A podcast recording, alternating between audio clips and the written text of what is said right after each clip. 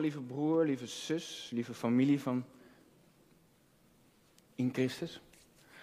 Hoe gaat het met u? Goed? Oké, had ik niet anders verwacht.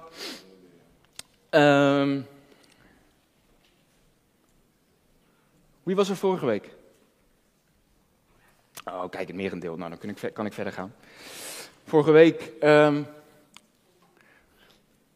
hebben we gehoord en hebben we als het goed is, hebben we de rest van de week, iedere keer als die vijand kwam, hebben we gezegd: niet vandaag. Niet vandaag, Satan. Als het goed is, hebben we dat geleerd, zijn we dat aan het leren. Uh, vorige week uh,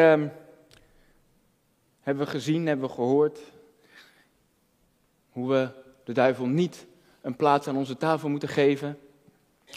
En vandaag uh, gaan we zien wat Gods woord zegt over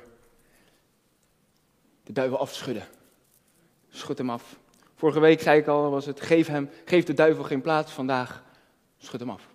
Schud hem af. Als hij misschien toch een klein ingangetje heeft kunnen vinden in uw leven, of in uw gedachten, vooral hè, wat we vorige week hebben gehoord. Schud hem af. Schud hem af, zo snel mogelijk. En daarvoor wil ik u vragen om uh, uw Bijbel open te slaan. We gaan Handelingen 28, het laatste uh, hoofdstuk van Handelingen. Laatste, bijna laatste avontuur wat Paulus uh, heeft beleefd in Handelingen. De apostel Paulus.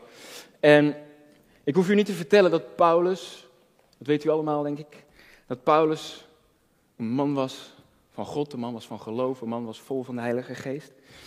Dat was hij niet altijd. Zoals u weet was Paulus eerst Saulus, was het een vervolger van de kerk, een moordenaar, Um, maar hier op dit moment niet meer. En als we van Paulus één ding kunnen zeggen, is dat hij gehoorzaam was aan de stem van God. Ja, toch?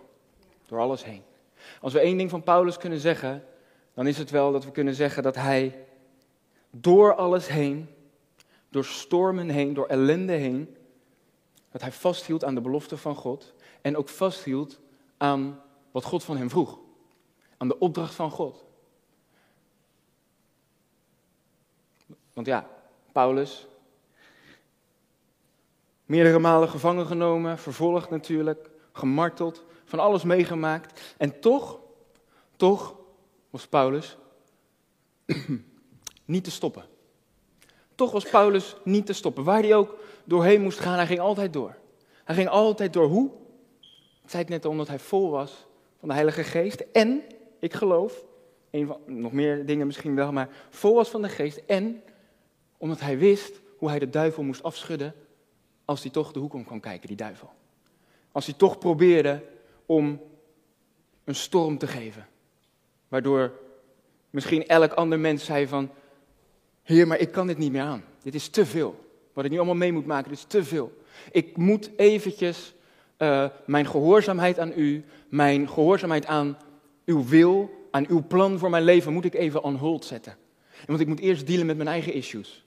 Ik moet eerst dealen met alle problemen die ik, waar ik mee te maken heb in mijn leven. Ik heb het zo ongelooflijk moeilijk, zwaar en druk. Paulus liet zien dat die twee dingen ook tegelijk kunnen. Paulus liet zien dat we niet hoeven te wachten op dat wij geestelijk genoeg zijn om God te gehoorzamen, zijn opdracht. Paulus liet zien dat wij niet hoeven te wachten totdat al onze zaakjes, in ons gezin, in ons huwelijk, op ons werk, opgelost zijn, totdat we de stem van God kunnen gehoorzamen en volgen. Nee, nee, nee. Die twee dingen die gaan samen. Maar hoe is het met u? Hoe is het met mij? Leg al gauw het beltje erbij neer als het even te moeilijk wordt, te zwaar wordt. En het eerste wat we dan vaak even op pauze zetten, dat zijn de dingen van de Heer. Ja, toch? Moet ik het over financiën hebben? Onze gaven aan de Heer? Als het moeilijk wordt? Het eerste wat we vaak zeggen van, oeh, dan geef ik iets minder. Of niet? Bijvoorbeeld, hè. Kunnen ook andere dingen zijn natuurlijk. Maar goed, dat uh, wilde ik allemaal helemaal niet zeggen, maar toch, God wel. Paulus, die was in dit hoofdstuk, of net een hoofdstuk hiervoor, die was op weg naar Rome. En Rome zou zijn eindbestemming worden. En uh, God had al tegen hem gezegd, Paulus, zoals jij mijn woord gepredikt hebt, zoals jij mijn evangelie verkondigd hebt in Jeruzalem, zo zal je dat ook in Rome gaan doen. Was een belofte van God, was een opdracht van God en Paulus ging. Maar, hoeveel weten ook dat als God u een belofte geeft, als God u uh, een, een, plan geeft voor uw leven, of een plan uitstippelt voor uw leven, hoeveel weten dan dat het soms ook niet eruit ziet zoals u denkt dat het eruit zou moeten zien, die weg daar naartoe. want, want Paulus ging wel naar Rome, maar weet u hoe? In, ket, ketenen. Want hij was een gevangene. Hij ging als een gevangene naar Rome. Hij zat op een schip. In hoofdstuk 27, daar staat dat er, dat er een hevige stormwind kwam. En dat schip, eh, dat leed schipbreuk, dat zonk. Maar alle, zegt Gods woord, 276 mensen, konden nog net een eiland bereiken. En dan lezen we verder vanaf uh, vers 1 in hoofdstuk 28. En toen zij ontkomen waren, kwamen zij te weten dat het eiland Malta heette. En de inlandse bevolking bewees ons buitengewone menslievendheid. Want zij staken een vuur aan en haalden ons er allen bij. Vanwege de regen die was gaan vallen en vanwege de kou. En toen Paulus een bos takken bijeengeraapt en op het vuur gelegd had, kwam er door de hitte een adder uit. En die beet zich vast in zijn hand. Als door een adder gebeten, maar dan echt. Een adder is een giftige slang. En ik heb even opgezocht, zelfs in Nederland uh, hebben we uh, adders blijkbaar. Of adderen, adders, adderen. Giftige slangen in ieder geval. En ik, heb, ik weet niet of u vaak naar uh, National Geographic Channel kijkt, of naar Discovery, of dat hier wellicht de nieuwe Freek Vonk zit. Maar ik ben dat niet.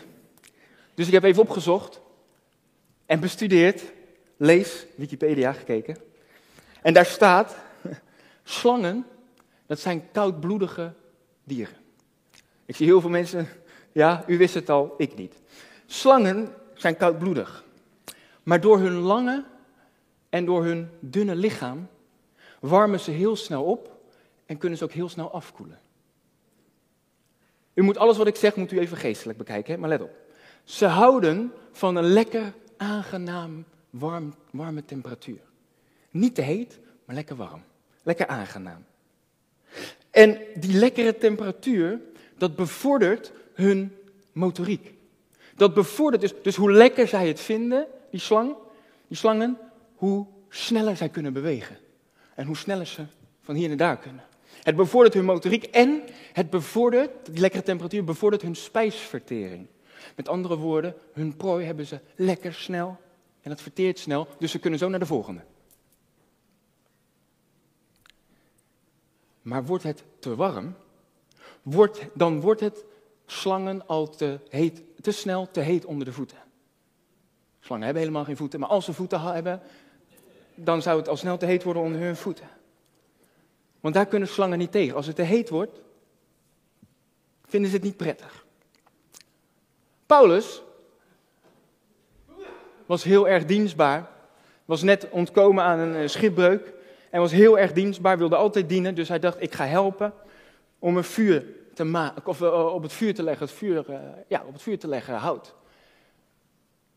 Hij had die bos stakken bij elkaar en hij liep naar het hout. En, hij liep naar dat vuur en toen het bij het vuur kwam, toen kwam die giftige slang eruit. Toen pas liet die giftige slang zich zien. Ik geloof, of ik bedoel, dat, dat zegt Wikipedia, dus dan geloof ik het, dat, um, dat het misschien wel de reden was, want er staat ook dat het net had geregend en lekker koel was, dat die slang lekker verscholen zat onder die bosjes en verscholen zat onder die takken. Lekker koel. Toen liet die slang zich niet zien. Maar als je dus goed leest, had Paulus een tijdje onbewust die slang onder zijn arm. Die had die onder zijn arm, want hij had die takken en het hout. Maar hij merkte er helemaal niets van. Pas toen hij bij het vuur kwam, toen liet die slang zich zien. En toen werd hij zich bewust van de aanwezigheid van die slang. Mijn vraag aan u vandaag is, allemaal geestelijk bekijken hè. Mijn vraag aan u vandaag is, hoe is het met uw vuur? Hoe warm bent u voor God? Brandt uw hart nog voor God? Is er nog passie brandend in uw hart voor Jezus? Hoe warm bent u? Wat is uw temperatuur? Als ik uw temperatuur op ga meten, doe ik liever niet, maar als ik uw temperatuur op moet meten, hoe warm bent u dan? Of hoe koud bent u dan? Of hoe lauw bent u dan?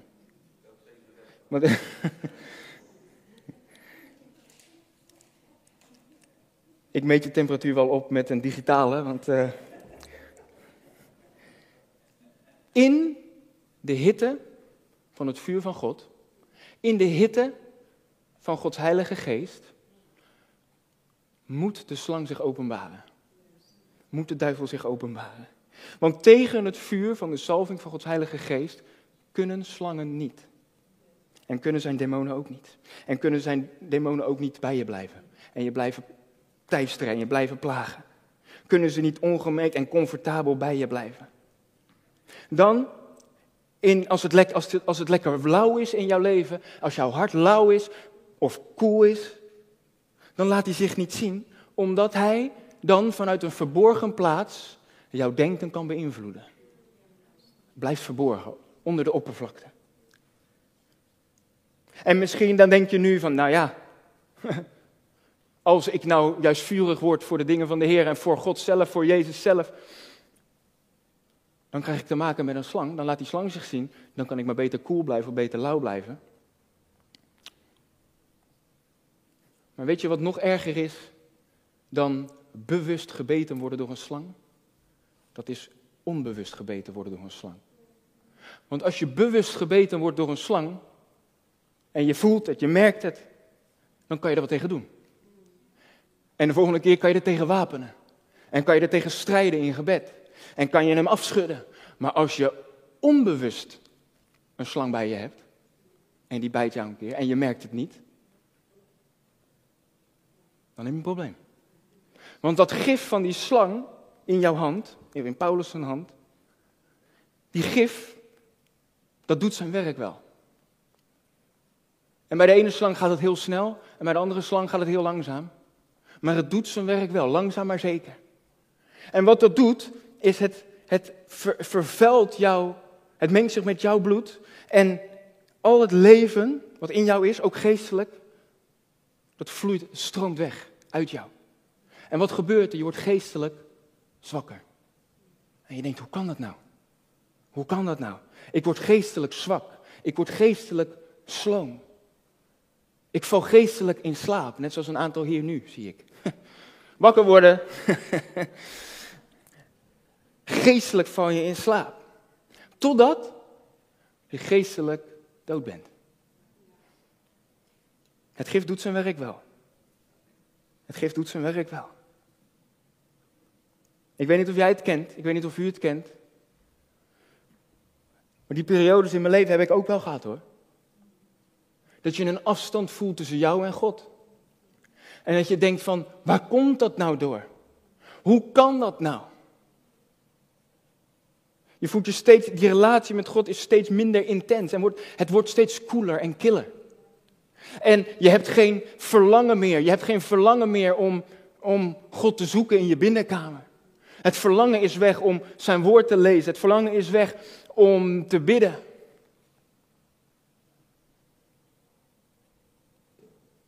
Je voelt steeds minder verlangen om in zijn huis te komen. Je voelt, steeds minder, je voelt je steeds minder senang onder zijn kinderen. Dan kunnen we altijd die andere kerkmensen de schuld geven. Maar begin nou eerst even bij jezelf. Is daar misschien wat veranderd? Stiekem waren er mensen, weet ik zeker. Stiekem waren er mensen die die anderhalf jaar van, nou niet anderhalf jaar, maar een tijdje dat wij dicht waren, dat we wel lekker vonden. Hè? Dan heb ik tenminste een excuus, hoef ik helemaal niet naar de kerk. Je hoeft sowieso niet naar de kerk, maar je snapt wat ik bedoel. Wel lekker eigenlijk. En toen, daarna, toen werd onze gemeente in twee groepen verdeeld. Wel lekker eigenlijk hoor, om de andere week. Laat maar zo. Sommige mensen die leven dat ook uit, laten het zo. Ja. Maar dat mag. Moet je zelf weten. Hoe is het met je verlangen? Daar gaat het om. Het gaat niet om die broodjes knakworst die we straks krijgen. Verlangen om te zijn in het huis van de Heer. En ik weet, God is overal. Maar er is iets bijzonders, er is iets krachtigs aan het samenkomen van Gods kinderen. In Zijn naam.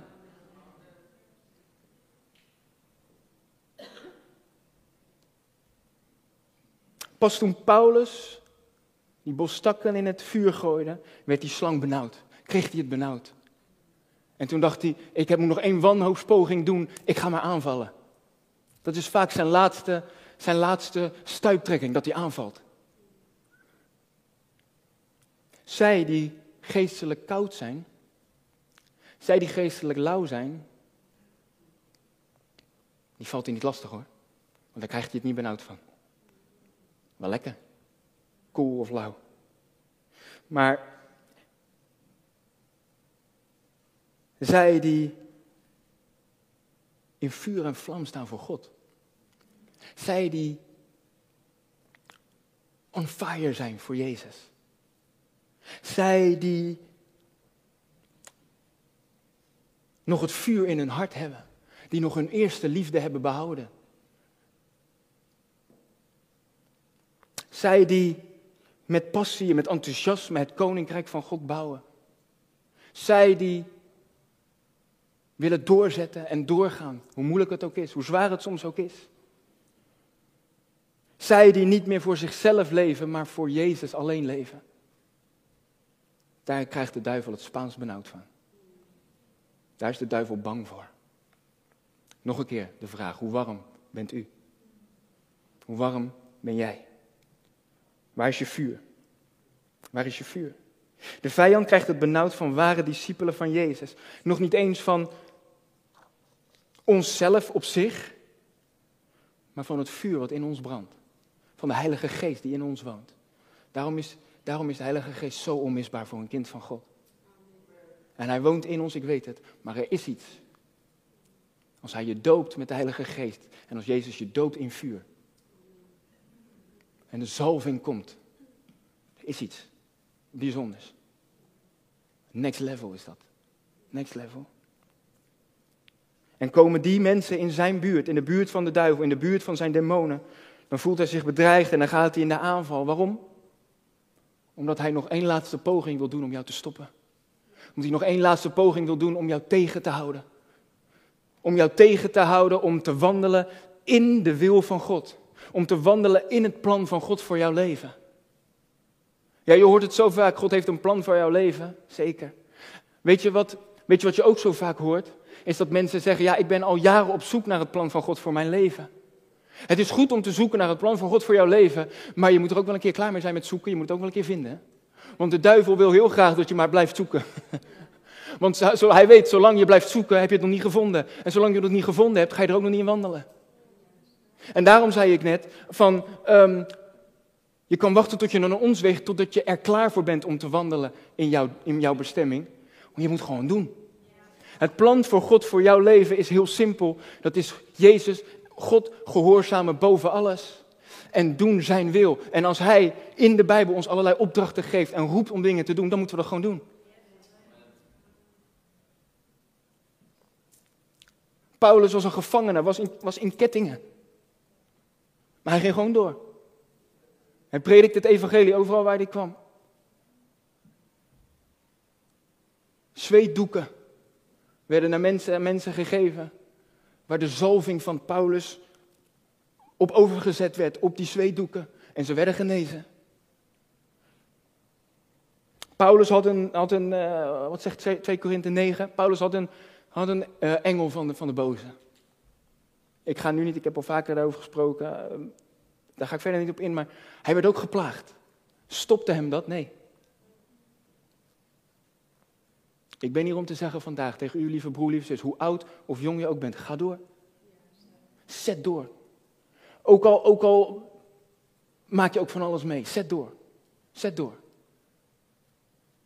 Waarom je alles moet meemaken, waartoe je alles moet, uh, hè, waartoe? Daar heb ik niet altijd het antwoord op. Maar zet door. En ga door.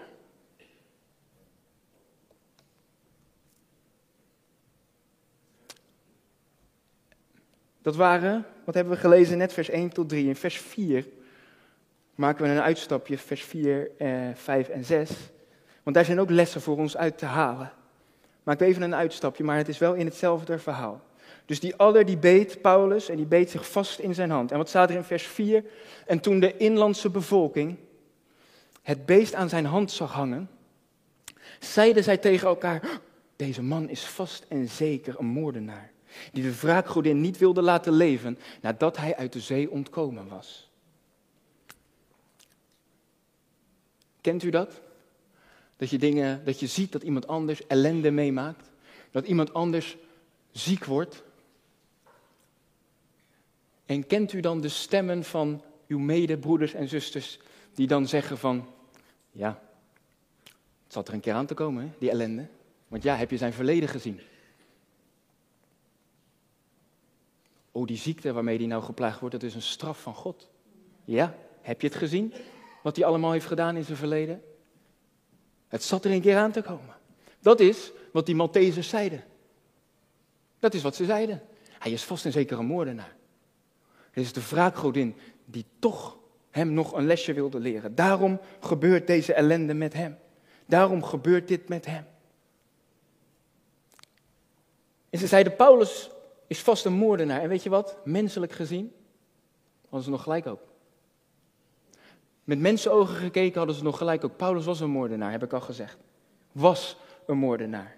Maar hieraan, aan dit schriftgedeelte kunnen we meteen zien hoe God kijkt naar ons zondige verleden. Zal ik dat vertellen? Niet. Als je die zonde beleden hebt, bij hem gebracht hebt en je bekeerd hebt van die zonde, dan kijkt hij er niet meer naar. Dan denkt hij er niet meer naar. Prijs de naam van Jezus. Door het bloed van Jezus. Mensen wel. Mensen weten nog precies, dat verbaast me altijd. Dat verbaast me altijd.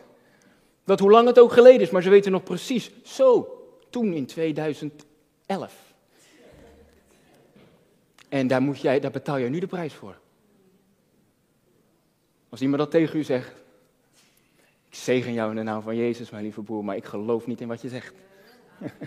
Want Jezus heeft mij vrijgekocht. En Gods woord zegt onder het nieuwe verbond van Jezus bloed, herinnert God zich helemaal niet meer. Onze zondige, ons zondig verleden. Maar je moet er wel van bekeerd zijn, hè? En bekeren betekent afkeren daarvan, omdraaien daarvan, anders overdenken. Je kan wel je zonde, eh, eh, dat is natuurlijk een van de gewoontes in, in, in veel uh, gemeentes, is dat na een preek, dan je, oh, ik, ja, kom, met tranen kom ik voor het altaar van de Heer, vergeef me van mijn zonde, vergeef me van mijn zonde. Maar vergeet niet dat je ook moet bekeren. En dat betekent, eerst nam ik die weg, zondig, vergeef mij Heer, vergeef mij Heer, ik wil dat niet meer. Maar ik keer me om en ik ga uw kant op. En niet meer die kant. Niet meer die kant. Romeinen 8, vers 1, daar zegt diezelfde Paulus.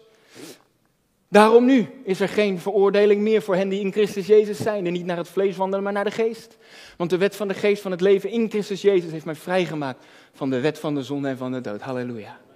Halleluja. Let op hè, in Christus Jezus zijn. Ja, daar zeggen heel veel mensen nog wel ja op. Maar dan daarna, diezelfde mensen, diezelfde kinderen van God, dat zijn ook wel zij die niet meer naar het vlees wandelen, maar nu naar de geest. Hè? Niet vergeten. Niet vergeten.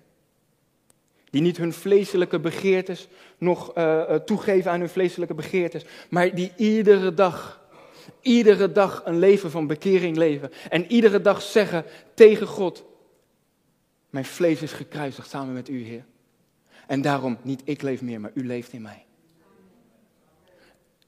En dat zijn die mensen die automatisch, als je dat vlees is gekruisigd, in de geest leven. En naar de geest leven.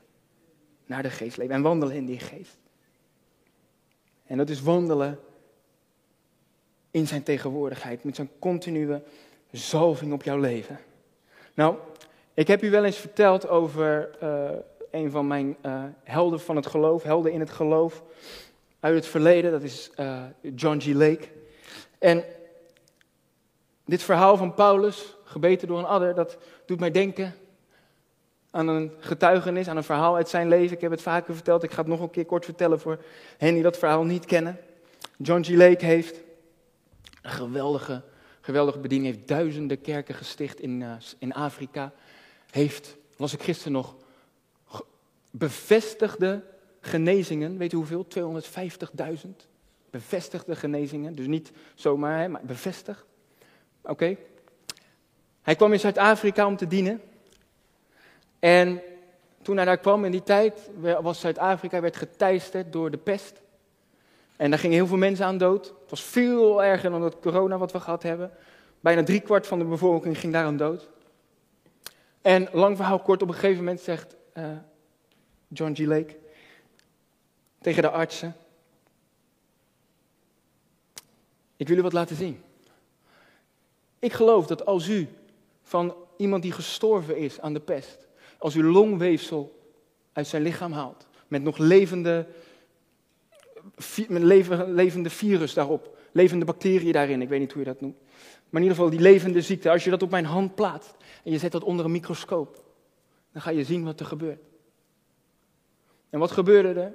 Die artsen deden een microscoop op zijn hand, of boven zijn hand. Het longweefsel van die zieke, van die gestorvenen daarop. En wat gebeurde er? Al die ziektedeeltjes, al dat, die bacteriën, die stierven af in zijn hand. Die stierven af in zijn hand. En weet je wat hij zei? Dit is nou de wet van de geest van het leven in Christus Jezus. Wanneer de geest en het lichaam van een mens vervuld zijn met de tegenwoordigheid van God, dan vloeit dat uit de poriën van je vlees en dan doodt het de bacteriën. Salving breekt het juk. Klinkt ongelooflijk, klinkt dat je denkt, huh? Maar is dat niet ongeveer hetzelfde wat met Paulus gebeurde? Hij werd gebeten door een adder. En wat staat er in de volgende slide? In eh, vers 6, als het goed is, 5. Hij schudde het dier echter af in het vuur en hij leed geen enkel kwaad. Hij leed geen enkel kwaad. Daar is geen wetenschappelijk uh, uh, verklaring is daarvoor. Er is daar geen menselijke verklaring voor, dat past niet in ons hoofd.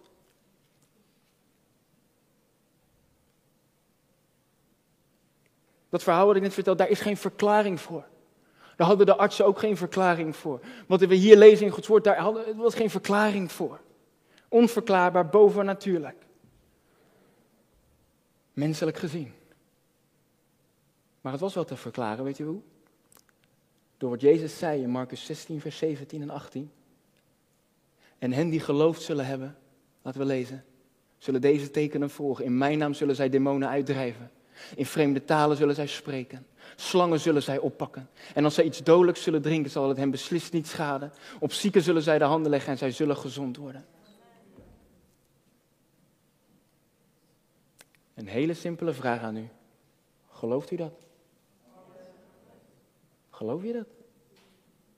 Want hen die geloofd zullen hebben, die zullen deze tekenen volgen.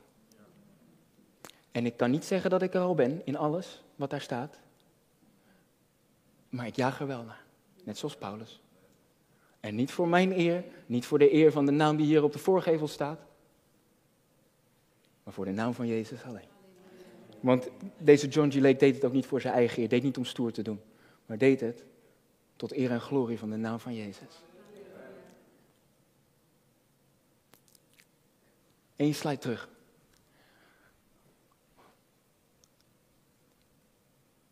De omstanders die, die, die veranderden hun mening, veranderden hun reactie toen ze zagen dat hij het dier afschudde en hij geen enkel kwaad leed. En dan staat er, en zij verwachten dat hij zou opzwellen, opzwellen of plotseling dood zou neervallen. Maar toen zij na lang gewacht te hebben zagen dat er niets ongewoons met hem gebeurde, veranderden zij van gedachten en zeiden dat hij een God was. Zij veranderden van gedachten. Hun gedachten werden veranderd. Hun denken werd vernieuwd door het wonderteken wat God door Paulus heen deed. Wat is jouw denken vernieuwen? Dat is bekeren.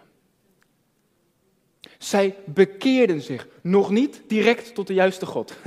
Want ze dachten dat Paulus een God was.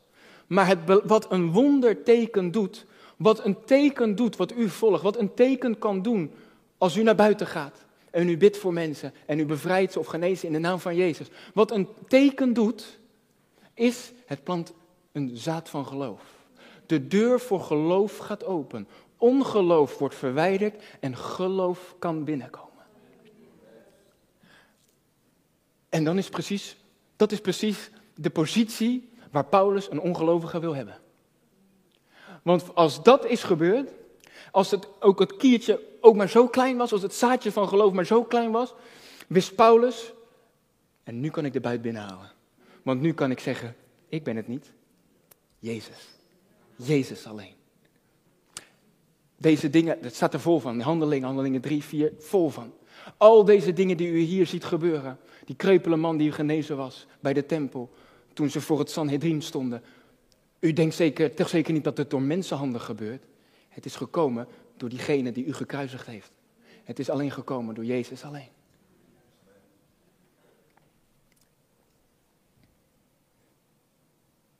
Dat is wat, wonder, wat is wat wonderen doen en wat tekenen doen. Ze scheppen geloof. En dan kunnen, ze, we, kunnen we vertellen wie de miracle worker is en dat is Jezus alleen. Halleluja. En dit is hoe God werkte. En dit is hoe God vandaag werkt. En dit is hoe God wil werken door u heen. Dit is hoe God wil werken door u heen. Hoe lang bidt u al voor uw familie dat ze Jezus mogen ontmoeten? Hoe lang, hoe vaak heeft u misschien al, hartstikke goed dat u heeft gedaan, maar hoe vaak heeft u al gepraat over Jezus met uw mond? Ik geloof dat een wonderteken luider spreekt dan al je woorden bij elkaar. Daarna kan je ze naar Jezus wijzen. Maar dit is iets wat ze niet kunnen ontkennen. De kracht van God in en door u heen. En daarom heb ik tot voorbeeld die getuigenis verteld van John G. Lake. Wandel in geloof. Wandel in kracht. Wandel in jouw bestemming. Wandel onder de zalving van de Heilige Geest. En de tekenen zullen volgen. De tekenen zullen volgen. Het laatste gedeelte van dit hoofdstuk wat ik met u wil bespreken vandaag zijn de volgende paar versen. Laten we het maar lezen. Nog vers 7. Het verhaal was afgerond, het, moment was afgerond. Paulus was door een slang gebeten in zijn hand, had hem afgeschud, was niks gebeurd. En toen, het volgende moment, hier op Malta dus, had de voornaamste van het eiland, Publius, Publius, Publius, een landgoed. Mochten wij nog een zoon krijgen? Publius.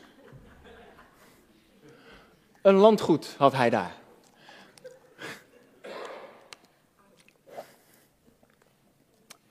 Publius Manicus. Ja, dat klinkt eigenlijk wel. Marcus, Marcus Aurelius. Oké. Die had een landgoed. Hij was de voornaamste van het eiland. Hij was rijk. Uh, uh, mensen die ervoor gestudeerd hebben, die denken dat hij een, uh, een Romeinse officier was. Maakt niet uit. Hij ontving Paulus en al die mensen heel goed. Hij bood ons vriendelijk drie dagen onderdak. En het gebeurde dat de vader van Publius door koorts en buikloop bevangen op bed lag. Paulus ging naar hem toe en nadat hij gebeden had, legde hij hem de handen op en maakte hem gezond. Toen dit nu gebeurd was, kwamen ook anderen van het eiland, kwamen ook anderen op het eiland die ziekten hadden naar hem toe en zij werden genezen. Weer een wonder en het hele eiland kwam bij het horen van dat wonder Misschien ook wel van die slangenbeet, dat weet ik niet. Maar van dat wonder van die vader van Publius. Ze kwamen met hun zieken. Ze werden genezen. Een opwekking, revival, op, een eiland, op het eiland Malta. Door één gehoorzame persoon. Door één persoon die wist hoe hij de duivel moest afschudden. Door één persoon die wist, als ik gebeten word, ik heb de kracht van God in mij. Weg. Ik schud af. Ik raak niet in paniek, maar ik schud hem gewoon af. Eén man die gehoorzaam was, ook al was hij gevangen. Ook al zat hij in ketenen. Een opwekking op een klein eilandje. En het was eigenlijk niet eens menselijk gezien de bedoeling, in de planning zat het niet, dat ze op dat eiland zouden komen. Dat kwam alleen door die, schip, door die. Maar God had een plan. Een hoger plan. En dat plan was niet doorgegaan als Paulus, toen hij door die slang was gebeten, helemaal in paniek raakte, bang werd, ging googelen, wat gebeurt er als je door een slang gebeten wordt? Dat deed ik vroeger altijd, hè? dat doe ik niet meer, in de naam van Jezus. Want als je op Google gaat zoeken, wat betekent dat je pijn hebt in je linkerarm en ook in je rechterteen, dan komen er hele rare dingen naar voren. En die moet je niet geloven, want dan ben je bang. Dat doe ik niet meer, dat deed ik wel. Dat doe ik niet meer. Maar als Paulus dat had gedaan, dan had Paulus waarschijnlijk het beltje erbij neergelegd. Zeggen, oh breng me naar het ziekenhuis. Want normaal gesproken ga je dood hieraan. En dan had iedereen gezegd, ja klopt. Maar ik wil, waarom laat ik dit zien? Ik wil dat je dit ziet. Juist datgene wat aan de vader van Publius, nee, juist datgene wat God gebruikte om de vader van Publius mee te genezen, dat was hand, zijn hand, zijn handen, oplegging. Juist datgene had de duivel gebeten. Juist datgene wat God in uw en in jouw leven wil gebruiken, daar valt de duivel je aan. Daar bijt de duivel jou, buiten slang jou. Hij weet precies waarmee hij jou moet bijten, met welk soort gif. Hij heeft een, een archiefkast vol met gif staan. En hij weet precies voor die broer en voor die, of nou niet zijn broer, maar voor, voor dat kind van God, voor dat kind van God. Daar heb ik dat gif voor nodig, heb ik dat gif voor nodig, heb ik dat gif voor nodig. Want dat is een zwakke plek, dat is een zwakke plek. Juist datgene wat de genezing bracht, dat is wat de duivel probeert te stoppen. Dat is wat de duivel probeert tegen te houden, ook in uw leven. Satan zal juist dat bijten waarvan hij weet dat God machtig wil gebruiken. Dus waar, waar word je gebeten? Waar word je gebeten? Daarom, juist als jij stappen neemt, juist als jij stappen neemt van geloof, juist als jij stappen neemt richting God, richting Jezus, als jij keuzes maakt, prioriteiten stelt, juist voor Jezus, juist voor zijn koninkrijk, juist als jij warmer wordt van het vuur van Gods geest in jou meer, dan zal de slang tevoorschijn komen. Want hij krijgt het benauwd. Dan zal de slang zijn kop laten zien en proberen te bijten. Juist wanneer jij probeert te bouwen, een vuur begint te bouwen in jouw leven, zoals Paulus. Juist als jij hout sprokkelt om het vuur van God nog meer. Hè? Juist als jij je, jezelf, jouw hart helemaal overgeeft aan de Heer en zegt: Heer, doe uw wil in mij, door mij heen. I surrender all. Dan zal die slang nog een keer komen. En je aan het twijfelen proberen te brengen. En dingen op je pad proberen te brengen waardoor jij denkt: dit wordt mij te zwaar. Ik stop ermee. Ik stop ermee. Want toen jij dicht bij het vuur kwam, ik denk dat we dat misschien wel allemaal kunnen getuigen. Juist toen jij dichter bij het vuur kwam, toen maakte je een slang wakker. Dan maak je een slang wakker. En ik ken het ook. En ik hoor het u ook allemaal denken. Ja, juist als ik extra stappen neem voor de Heer. Juist als ik um, alles, mijn alles geef aan de Heer. Toen gebeurde dit, ellende dit, ellende dat. Problemen dit, problemen dat. Maar het is logisch, want de slang die je misschien wel bij je had, waardoor je geplaagd wordt, die kwam dicht bij het vuur. Ik heb het al vaker gezegd afgelopen weken. Ja, ook christenen kunnen last hebben van demonen. Juist. Juist. Ik had het er gisteren nog over met een zuster uit de in de gemeente hier. Wij denken vaak, wij in het Westen, wij, wij, wij uh, rationaliseren alles. En wij denken vaak, alle problemen die wij meemaken, of veel problemen die wij meemaken, ja, dat hoort gewoon bij het leven. Dat hoort er gewoon bij. Dat is nou eenmaal zo. Mijn karakter, ja, dat is nou eenmaal zo. En ik zeg niet dat achter elk probleem de duivel zit, maar achter heel veel problemen in de westerse kerk daar, zit wel, daar, daar kunnen wel demonen achter zitten en onder zitten. Het is de tijd voor bevrijding. En het is de tijd dat als wij bevrijd zijn, dat wij anderen gaan bevrijden. En dat wij niet gaan van bevrijding naar bevrijding, van voor onszelf, hè? van bevrijding, ik moet weer bevrijd, weer bevrijd worden. Als je bevrijd bent, moet je daarna doorgroeien naar heerschappij. En heersen daarover. Maar daar ga ik andere keer nog wel over spreken. Maar het is soms zo, juist als je kiest voor Jezus. Het is vaak zo. Het is eigenlijk altijd zo. Het is een principe eigenlijk. Maar ja, dan moet je kiezen. Dan moet je kiezen. Maak een keuze. Je kan liever koud zijn, je kan liever heet zijn, maar niet lauw. Je moet een keuze maken. Broer, zus, je moet een keuze maken. Als je die weg die je ingezet hebt met Jezus, Jezus achterna, Jezus volgend, volhouden, volhouden, volhouden, wat er ook gebeurt. Maar je moet kiezen, blijf je volhouden en blijf je volharden, ook al moet je door het vuur heen gaan. Juist het vuur is wat je zuivert. Juist het vuur is wat jou verteert, wat nog verteerd moet worden in jou. Maar ga je, zet je door door dat verterende vuur, zet je door. Vergeet niet, vergeet niet dat Jezus voor jou heeft doorgezet. Vergeet nooit. Vergeet nooit dat Jezus toen hij zei: Vader, als het kan, laat deze drinkbeker aan mij voorbij gaan. Maar niet mijn wil, maar u, maar wil geschieden. Hij zette door voor u. Hij zette door voor jou. Vergeet niet, als jij twijfelt of je nog moet doorzetten. Als je denkt van, ik stop er allemaal mee. Ik, de, kerk, ik heb zoveel pijn gehad in de kerk, ik voel me niet meer thuis in de kerk. Zet door, je komt dichter bij het vuur.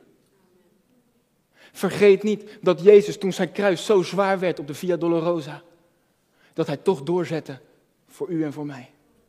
En voor jou. Hij is het allemaal waard, weet u dat? Jezus is allemaal waard. Jezus is alles waard. Maar maak je keuze. Ook al is het je familie die jou tegenhoudt om achter God aan te gaan, dan moet je je familie even vaarwel zeggen. En dan blijf je voor ze bidden. En dan blijf je getuigen voor zover het kan. Hetzelfde met je vrienden. Maar ze zijn het.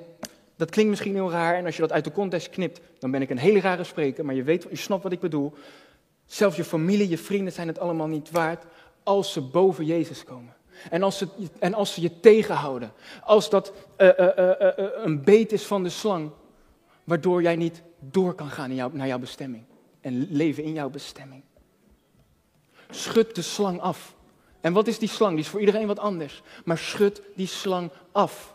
Want als je te lang gaat lopen met die slang, met die vrienden, met die familie, met die een slechte invloed op jou hebben, als je daar te lang mee loopt, dan raak je eraan gewend en dat gift dat doet nog meer zijn werk, blijft zijn werk doen. Ik zei toch dat het woord van God vandaag zou gaan snijden. Maar waar het woord van God snijdt, heb ik net ook al gezegd, daar herstelt het ook gelijk. Daar maakt het gelijk beter, daar geneest het gelijk. Maar jij moet, dit is het zwaard van de geest, het woord van God. Jij moet in dat zwaard lopen. En dat doet even pijn. Maar je wordt er wel beter van. Je wordt er wel beter van. Ik ga. Dit is het laatste wat ik, wat ik, wat ik wil zeggen aan u, lieve broer en lieve zus, broeder en zuster. Maak je keuze vandaag. Dit is de dag om opnieuw te kiezen voor Jezus. Om te zeggen, ja, hoe, ik ga gewoon door het vuur, samen met u. Louter mij maar, zuiver mij maar door uw vuur. Ik wil breken met zonde. Ik wil breken met ongehoorzaamheid, ook al is het ook maar kleine ongehoorzaamheid. Ik wil breken met lauwheid vandaag. Breken met lauwheid. Ik wil weer opnieuw in vuur, of voor de eerste keer, maakt niet uit, wil in vuur en vlam staan voor Jezus. Schud de duivel af. Onderwerp jezelf aan God. Jacobus 4, vers 7. En dat is zeggen, Heer, hier ben ik, alles. U mag mijn alles hebben. Ik ben van u, alles is van u. Onderwerp jezelf aan God. En pas dan kan je de duivel weerstaan. En moet hij van je wegvluchten. Onderwerp jezelf vandaag aan God. En schud die slang af.